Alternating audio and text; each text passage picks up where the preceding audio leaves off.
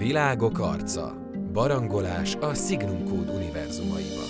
A stúdióban Kollár Kriszta, Udvari Norbert, Szeltner Zsolt és Penke Bence. Sziasztok! Mai témánk a modern istenek. Erről az univerzumról fogjuk kérdezgetni Norbit, az univerzum kitalálóját, Krisztával és Zsoltal. Sziasztok! Sziasztok! Sziasztok!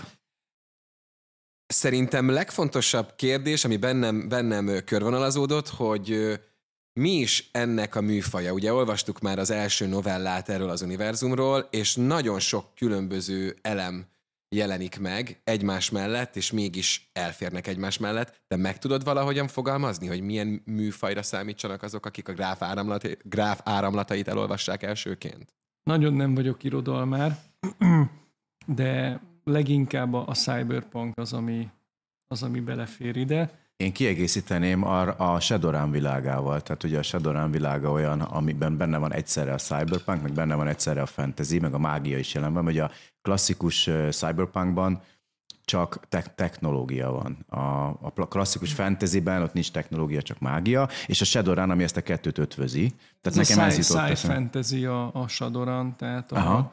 ahol tehát ott benne létezik egy, egy, technológiai van és mágikus a mágia, elemek is vannak. És itt is ugyanez Hát van, van benne mágia igen. is, és... A misztikum. Igen, igen. És a skifi is ugye nagyon, nagyon erőteljesen megjelenik már a, az univerzum, illetve a világ kibontásánál, hiszen egy részecske gyorsító, méghozzá neves, mint a CERN részecske gyorsítóban történő baleset ö, indítja el ezt a világot saját útján, ugye? Műfaját tekintve szerintem ennek nincs relevanciája. Tehát, hogyha nem a tudományra lennék rákattanva, akkor lehet, hogy mit tudom én, egy ősi isten, vagy valami hívta volna életre, vagy valami kataklizma. Általában szeretem ilyen tudományos dolgokkal a nagy változásokat az alternatív valóságokban megalapozni. Most őszinte leszek, ezt csak azért hoztam így fel, hogy fel tudjam vezetni ezt a kérdést, hogy ez viszont merőben változtatta meg azt a világot, amit mi ismertünk, illetve amit ők is ismertek a 2020-as évek második felében mert hiszen megjelentek új teremtmények, természetfeletti erők szerte a világon. Ugye mindig az egyik leghálásabb fikciós műfaj az alternatív földi valóság, mert ugye nem egy szűk réteghez szólsz. A sci és a fantasy az sokkal jobban leszűkíti a közönségedet, legalábbis első körben mindenképpen. Az alternatív földi valóság eh, sokkal könnyebben befogadható, mert magát a helyszínt elég jól ismered. Tudják mihez kötni az emberek? Így van, így van. Tehát, hogyha azt mondod, hogy Magyarország csak egy alternatív valóságban, vagy egy szűkebb helyszín, vagy bármi, 99%-ban ugyanaz van a fejünkben erről. A maradék 1%-ot kell hozzátenni fikciós oldalról. Itt tulajdonképpen arról van szó, hogy egy olyan misztikus erő kelt életre, ami, ami az emberi tudatból, az emberi hiedelmekből, az emberi folklórból táplálkozik. És ez egészen kis szinten, hogy pici kis szörnyecskék, kicsi kis manócskák, vagy valamik keletkeztek, vagy, vagy ártó vagy ártalmatlan teremtmények, és ennek a csúcsa a modern istenek, akik ezekhez hasonlóak, de sokkal hatalmasabbak, magát az embert testesítik meg, azt az emberi vágyat, hogy uralkodjon, hogy hatalomra tegyen szert, ugye, amit úgy fogalmaztam meg, hogy ők egy dolgot akarnak igazán, istenek maradni. Hogy képzeljük el ezeket a modern isteneket? Különleges hatalmas erővel rendelkeznek, egyetlen emberszerűek, az emberek között járnak. A modern istenek, amikor megszülettek, egészen hasonlatosak voltak hasonló képességekkel, tehát ez egy iterációs folyamat volt. Vegyük például a három magyar modern istent, ugye Hunyadit, Istvánt és... Hunort. Hunort. Tehát, hogy ők nem a valódi Hunyadi, sőt, nem is csak az egyik Hunyadiról van szó, hanem úgy általában a Hunyadi. István és Hunor sem az, akit a történelem során megismerhettünk, mert ugye ebben is azért elég sok nézőpont lehetséges. Ők is, amikor tudatra épültek, akkor kezdtek el kialakítani olyan külsőségeket, olyan szokásokat, amivel rá tudtak erősíteni arra, amivé őket teremtette ez a misztikus erő. Tehát gyakorlatilag ez olyan, mint, mint hogyha egy ilyen stylist dolgozott volna rajtuk, hogy mi a legeladhatóbb külső, mivel tudnak a legtöbb hatalmat szerezni, stb. Sőt, a képességeik, misztikus, stb. képességek tekintetében melyik az a talent, ami az ő játékelméletükbe, az ő, ő stratégiájukba belepasszol. És ez nagyon gyorsan lezajlott néhány év alatt, annyira, hogy most már ez meghatározóvá vált, tehát szinte rögzült bennük, tehát nem is nagyon tudnának másmilyenek lenni. Ennél fogva kialakult, hogy hogy néznek ki, milyen megjelenési formájuk van, az mindenképpen igaz, hogy az embernél nagyobb termetűek, tehát hogy olyanok, mint, mint kisebb óriások az emberek között, és erősek, hatalmasok, sebezhetetlenek, tehát a fizikai testüket is tudod roncsolni, de sok értelme nincs, mert misztikumból állnak. Vannak különleges képességeik? Ilyen kvázi ennek az univerzumnak a szuperhőseiként is elképzelhetőek, és hivatkozhatunk rájuk úgy? Hát a modern értelmezésű szuperhősben, ahol ugye vannak rossz szuperhősök is, meg önző meg, tehát nem csak a jóságot testesíti meg az a szó, hogy szuperhős, ahhoz hasonló, tehát az emberhez képes szuper képességekkel bír mindegyik, ráadásul nem úgy, hogy tíz ember vagy húsz ember, hanem egy társadalommal felér az erejük.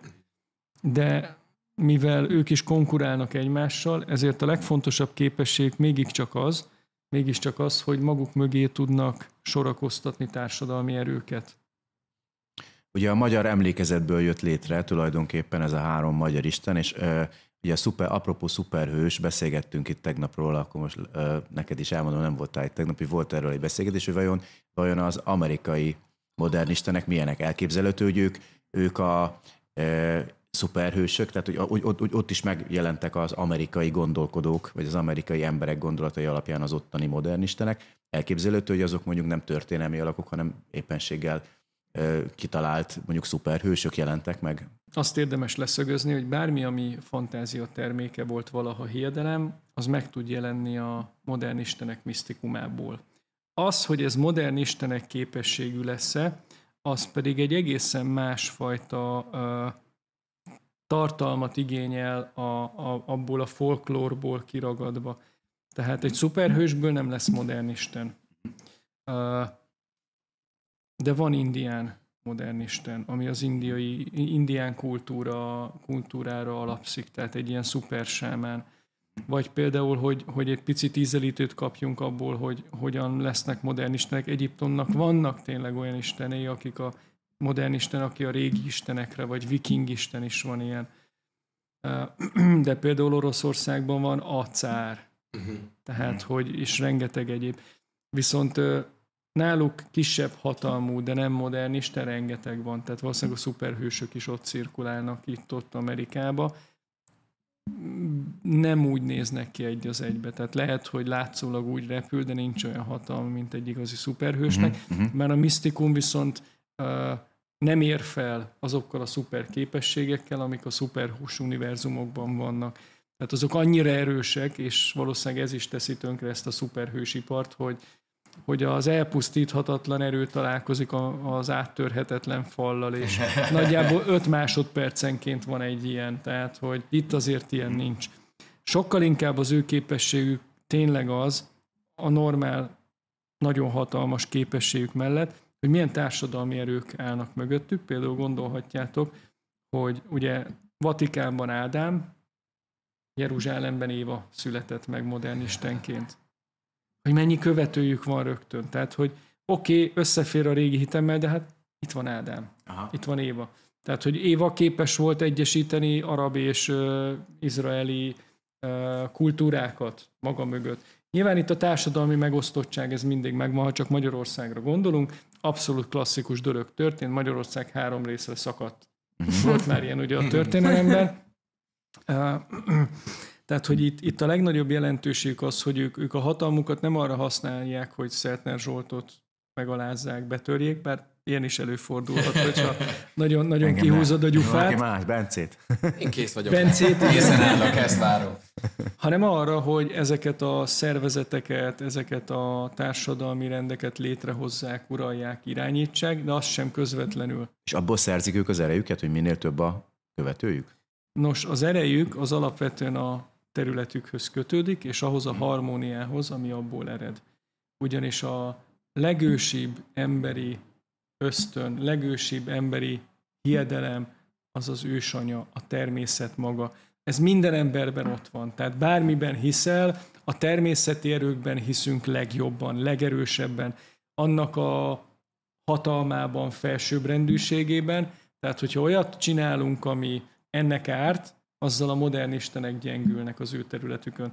Tehát gondolhatjátok, hogy amikor megszülettek, meg a egyéb mágikus teremtmények, meg még az emberi társadalmak szokásos problémái, micsoda pusztítás indult meg, egymás elleni háborúk, meg egyebek, tehát ezek nem szócsaták voltak. Maradjunk ennyiben, pusztult a természet, és azt tapasztalták meg nagyon gyorsan, hogy a hatalmuk így, hupp, ahogy a természetet is károsítják. Tehát mondhatni azt, hogy a modern istenek világában ökoterrorizmus van, tehát hogy minden maximálisan környezetbarát, eltűntek a környezetszennyező dolgok, minden harmonikus a természettel, tehát gyakorlatilag akik a modern istenek ellen tényleg nagyon tenni akarnak, azok a környezetet rombolják. Aha, és azt mondod, hogy területhez kapcsolódnak. Igen. Tehát mondjuk, hogy má, mondjuk egy magyar modern isten, mondjuk hogy elmenne, nem tudom én, Franciaországból ott már egy öt... Sokkal gyengébb lenne. Gyengébb lenne az ereje. Sokkal gyengébb lenne, nem is szívesen mozdulnak ki a saját területükről, hm. és ahol az ő területük véget ér, ott, ott van egy hatalmi űr. Tehát Aha. ami úgymond vitatott terület, azon Aha, aha. a, az a, a határokon, tehát van egy ilyen idézőjelben demarkációzóna. Ez nem túl nagy, ez néha csak néhány méter. Uh-huh. Aztán vannak ilyen olyan területek, amit senki nem ural, az annyira félelmetes helyek, hogy Mhm. még a modern istenek sem erészkednek oda. De hogy alapesetben ezen a területen belül erősek, és ott is, a, ott is a, annál gyengébbek minél távolabb vannak fizikailag egy adott területtől. Csak itt volt szó róla, ugye, hogy azért az is- istenek között van konfliktus is, és volt a magyar istenek között is, és három felé szakadtak, hogy mi miatt alakult ki a magyar istenek között ez a konfliktus. Hát alapvetően mindenki Magyarország ura akart lenni. Tehát Azon a gyakorlatilag... jogon, amit ő gondol a magyarságról, a magyarokról, a saját jogosultságáról. Tehát akkor gyakorlatilag mindenki a hatalmat akart átvenni Magyarországon, csak különböző nézeteket vallottak? Hát mondjuk úgy, hogy valami nézetet kellett találni, hogy miben különbözöl a másiktól. Ugye ez klasszikus politika. Tehát ők a legnagyobb politikusok a modern istenek világában a Földön. Sőt, politikai szövetséget is kötnek egymással. Tehát ugye gondolhatjuk, hogy István Ádámnak fogadott hűséget, tehát van közöttük egy ilyen kapocs, Hunor ugye keletre kacsingat, Hunyadi meg ugye egészen más taktikát folytat. Ez mindenhol így volt egyébként a világon, amit most Kriszta kérdezett, hogy ahol több Isten jelent meg, ugye Romániában 30 körüli, ö, 30 körüli az Istenek száma, modern Istenek száma, ők egymással elkezdtek háborúzgatni és Persze. területre osztani a- az országukat, területüket? Abszolút. Illetve hát ők nem akarták felosztani, mindegyik győzni akart, csak ritka volt az, hogy valaki ténylegesen győzni tudott. Vannak egyébként, mivel ez egy európai szemlélet, tehát hogy egy uralkodó, feudalizmus, stb. Tehát ez, ez azért bennünk van, de vannak olyan kultúrák, ahol a feudalizmus az egy belső feudalizmus. Tehát, hogy gyakorlatilag a saját területe egyben egy másik. Tehát, hogy vannak ilyen ázsiai kultúrák, ahol kvázi van egy fő modern és annak vannak kormányzó istenei, és be vannak engedve, az, tehát az már egy, sok, egy, egy egészen más gondolkodásmód, vagy mondjuk van a, van a cár, és az alatt vannak a, a, a, az ő alistenei, akik nem is nevezhetik magukat Istennek, de tulajdonképpen azok. Társadalmi titulusuk van, de közben egyébként modern istenekhez mérhető hatalmuk van. És ott például az a különleges, hogy ők, ők azok a fajta modern istenek, akik a cár alatt akarnak érvényesülni, és nem a, tehát a cárt, cárt akarják nagyobbá tenni. Viszont ez akkor a világon mindenhol, már ahol volt, ugye, felborította a klasszikus demokratikus parlamentarista berendezkedést, és ilyen szempontból új világrend alakult ki, picit visszatérve az autoritarizmushoz. Hát Mondjuk inkább, hogy sokkal inkább elszigetelődtek, mert ugye kulturálisan elkezdtek még, a, ahogy a globalizáció egyre hasonlóbbá tette a társadalmakat, a modern istenek születése ezt visszarendezte, egy új, új csatornába terelte, terelte, tehát ezek jobban elkülönülnek egymástól, de rengeteg olyan ország van, ahol demokratikus maradt. Uh-huh. Tehát, hogy maga az Isten nem despotaként uralkodik, vagy valami, hanem egy ezzel párhuzamos valamiként. Tehát ilyenek is vannak. Beszéltünk Nem már ugye a modern istenekről, meg a mágiáról, de az a, a beszélgetés elején ugye szó volt, hogy a technológia is itt maga, nagyon magas szintű, és erről még nem beszéltünk, hogy vannak hackerek, segítsetek, vannak még szörfösök, szörfösök igen. Aszakák. Akik, Aszakák. Asz, aszakák. Asz, aszakának ejted, vagy asaka? Hogy ejted? Asaka. Asaka. asaka. Ha, ezeket segíts kicsit helyre tenni. Hogy... Illetve vannak ugye még ilyen bio beépített gépek is, most arra nem jut neve, de hogy igen, a technológiai fejlettség az viszont megmaradt. A technológiai fejlettség nem sokban különbözik a maitól, csak a modern, környezetbarát megoldások elterjedtebbek. Tehát javarészt elektromos közlekedés, automatizáció, gépi intelligencia, ezek működnek. Azok fejlettebbek, amiről te is beszéltél, amikor a, gyakorlatilag kiberverek is uh-huh. léteznek. Tehát amikor egybe tudják építeni az emberi szervezettel. Ugye ezek most gyerekcipőbe járnak a mostani földi valóságunkban, tehát már látjuk, hogy miket meg lehet csinálni egy agyi szkenerrel, vagy egy agyi kapcsolattal. Protézist lehet irányítani, érzékelni, már van olyan szem, ami gyakorlatilag megoldja, hogy a, a, a látóideg részed ugyanúgy érzékeljen, csak még rosszabb felbontással, meg képességekkel, mint egy valódi szem. Tehát ez van egy picit előrébb, tehát hogy ezek már tényleg működőképesek, mint de még nem annyira van. megbízhatóbb, mint az, hogy most bemész és veszel egy fogszabályzót, hogyha nincsen fogad. Tehát azért ez nem ennyire megbízható, van ennek kockázata. És van egy nagyon különlegessége, a, a, vagy egy nagyon különleges része ugye a modern istenek univerzumának, ez, az, ez a modern internet nevezzük így, ez a gráf. Uh-huh. Ami gyakorlatilag egy kvantumhálózat, ami azt jelenti, hogy nem nem folyamatos kapcsolat, tehát nem lineáris kapcsolat van az egyes pontok között, hanem térben különböző helyeket kapcsol össze egy, egy, egy ilyen gráfpont, pontosan hatot. De az lehet bárhol a világon. Tehát, hogyha te valahova el akarsz jutni, akkor ilyen gráfpontokon keresztül ugrálsz, de lehet, hogy egyszer itt vagy, ott vagy, amott vagy, illetve hát most az információ utazik alapvetően, kivéve a szörfösöket, akik saját tudatukat tudják ugye a gráfban átvinni.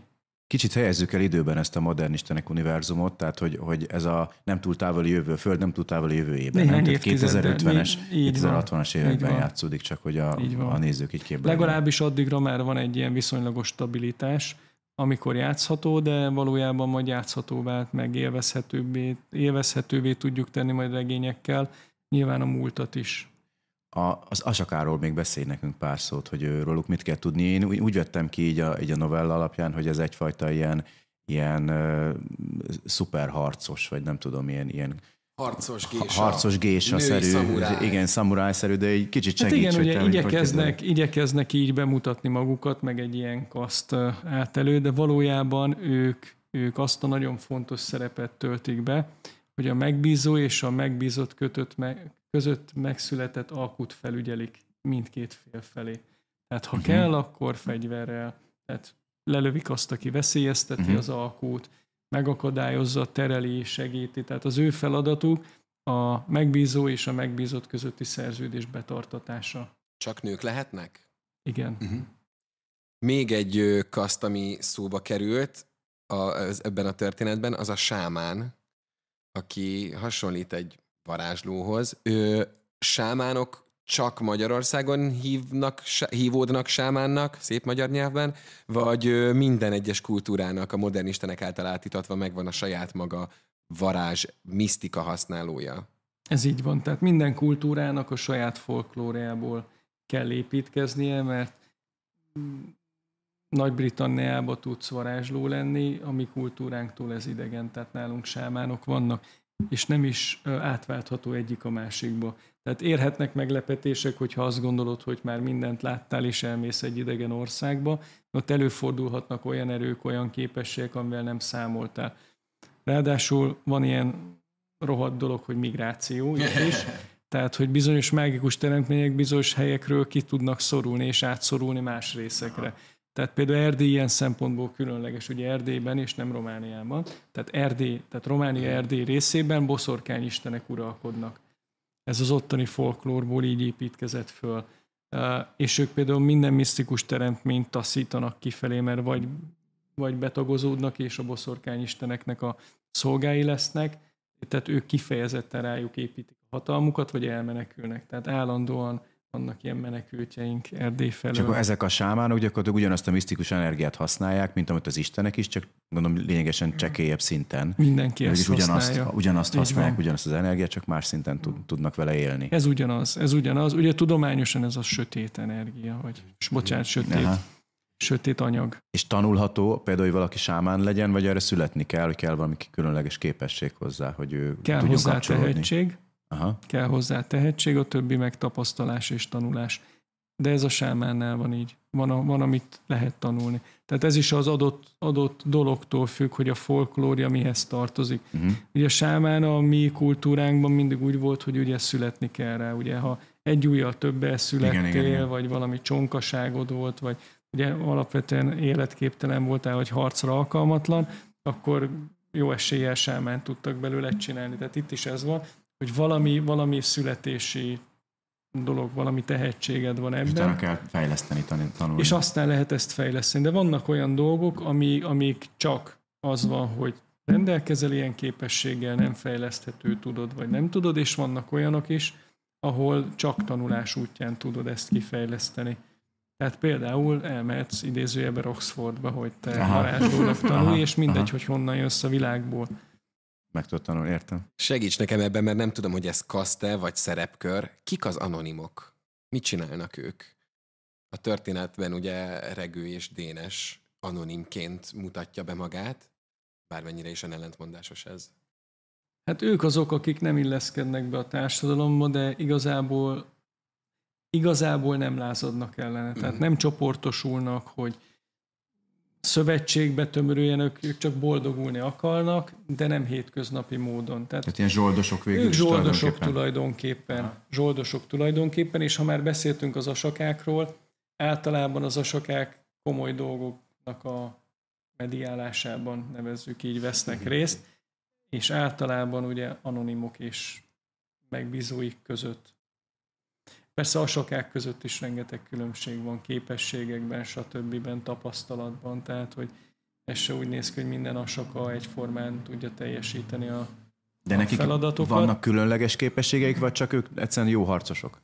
Vannak különleges vannak képességek is. Tehát ugye ez hmm. is egy olyan dolog, amire nem lehet születni, és ez, ez például egy érdekes dolog, hogy a anonim, anonimok mindenhol a világon nagyon hasonló a gondolkodásmódban, mm. tehát ez egy, ez, egy, ez egy globalizált fogalom anonimnak lenni, anonim képességekkel rendelkezni, és egy globalizált fogalom asakának lenni, még ha a gyökere amúgy a japán kultúrából is ered. Uh-huh, uh-huh. Tehát, hogy van, vannak azért ilyen globál, globális dolgok amik, amik mindenhol ott vannak, ilyen társadalmi idézőjelbe szerepkörök, vagy karakterek, vagy képességek, vagy tipik misztik lények. Uh-huh. Sok, sok ilyen is van, ami globális. Uh, még így a végére, hogy egy picit vigyázó szemünket Magyarországra vessük, Három része szakadt ismét ugye az ország, és nekem történelem tanulmányaim során nagyon jól megkülönböztethető volt, hogy mi volt a különbség a királyi Magyarország, a török hódoltság és az erdélyi hercegség között. Itt István, Hunyadi és Hunor birodalma ugyanennyire elvál egymástól, és hogyha igen, akkor miben, mi jellemzi azt az államformát, amit ők a saját területükön létrehozattak? Ugye a jelképek mindig nagyon fontosak, és gyakorlatilag jelképek mentén nagyon hasonló dolgok is egész különbözővé tudnak válni. Tehát így van az, hogy a, a Hunyadi István és Hunornak a saját magyarsága egészen különböző lett. Ugye Hunor tényleg visszament egy kicsit a gyökerekhez, kis tátosaival, a, a ősi magyarság hiedelemmel kapcsolatos kasztrendszerével, a régi magyar törzsi kultúrához nyúlt vissza, István ugye ezt a nyugati fejlet, de egyházi alapú Ádám bevonásával, stb. Tehát ő lovagoknak hívja például ugye a saját fővezéreit, még Hunyadi egy kicsit technokratább, tudományosabb, és a legszűkebb is, tehát a legkisebb területre visszaszorult. Apropó egyház, tehát hogy ugye van a klasszikus egyház, aki ugye hisz bizonyos Istenben, de közben itt vannak közöttünk a modern istenek. Mi történt az egyházzal ebben a képzeletben? Hát ugye a klasszikus egyházak nagyon meggyengültek, mert nehéz, nehéz, nehéz hithű katolikusként egy megjelent Ádámra nemet mondani, aki gyógyít, úgy jár az emberek között, mint tényleg az ember esmer, és azt mhm. mondhatja magáról, hogy ő Isten második elsőszülött fia, Igen. de valójában aha. ő csak most jött el, stb. stb. Tehát, aha, hogy, aha. hogy nehéz ezzel az egyháznak versenyezni, Igen. De az egyházak gyakorlatilag amellett, hogy visszaszorultak, a legnagyobb ellenállói. Tehát hirtelen gerilla harcra ítélkeztek az egyházak és a megmaradt követőik. Tehát ők mindent megtesznek azért, hogy a szellemet a parazról visszatuszkolják. Azt gondolják, hogy egy tudományos kísérlet ezt a rémálmot el tudta szabadítani, akkor van valami tudományos megoldás arra, hogy ez ugyanúgy eltűnjön. Aha. Ebben nagy az egyetértés az egyházak között. Tehát ilyen hamis profétáknak állítják Abszolút be az isteneket? mértékben így van. Mm-hmm. Sőt, ezt, ezt nem is nem is, nem is uh, rejtik vék alá se az egyházak, sőt legtöbbször a modern istenek sem. És anélkül, hogy aktuál politizálnánk, ugye a 2050-es, 60-as évek politikusaival mi történt, amikor megjelentek ezek a modernisták, mert ha, ha jól veszem ki, akkor egy feudális A gerincesek gyorsan meghaltak, a kevésbé gerincesek alkalmazkodtak, de Aha. mivel általában ugye a politika annak áll jól, aki kevésbé gerinces, ezért a legtöbb politikus nagyon jól alkalmazkodott az új Aha. dolgokhoz. Integrálódtak. Asszimilálódtak, igen. Aha. Hát nagyon szépen köszönjük, hogy bevezettél minket a modern istenek világába. Én, én tényleg nagyon kíváncsian várom még az összes történetet, amit ezzel kapcsolatban megismerhetek, vagy akár én is belevethetem magam, mert hogyha jól emlékszem, vagy jól értettem, akkor ez szintén játszhatóvá és szerepjáték. Valószínűleg ez, de az első, első lépés itt a regény lesz. Szóval nagyon várom, hogy milyen modern istenekkel tudunk majd még összefutni, és addig is, hogy milyen kalandozások történnek István, Hunor és Hunyadi birodalmai között. Köszi szépen, Norbi, hogy itt voltál velünk, köszi Zsolt, köszi Kriszta, és nektek is köszi, tartsatok velünk a továbbiakban is. Sziasztok! Sziasztok! Sziasztok.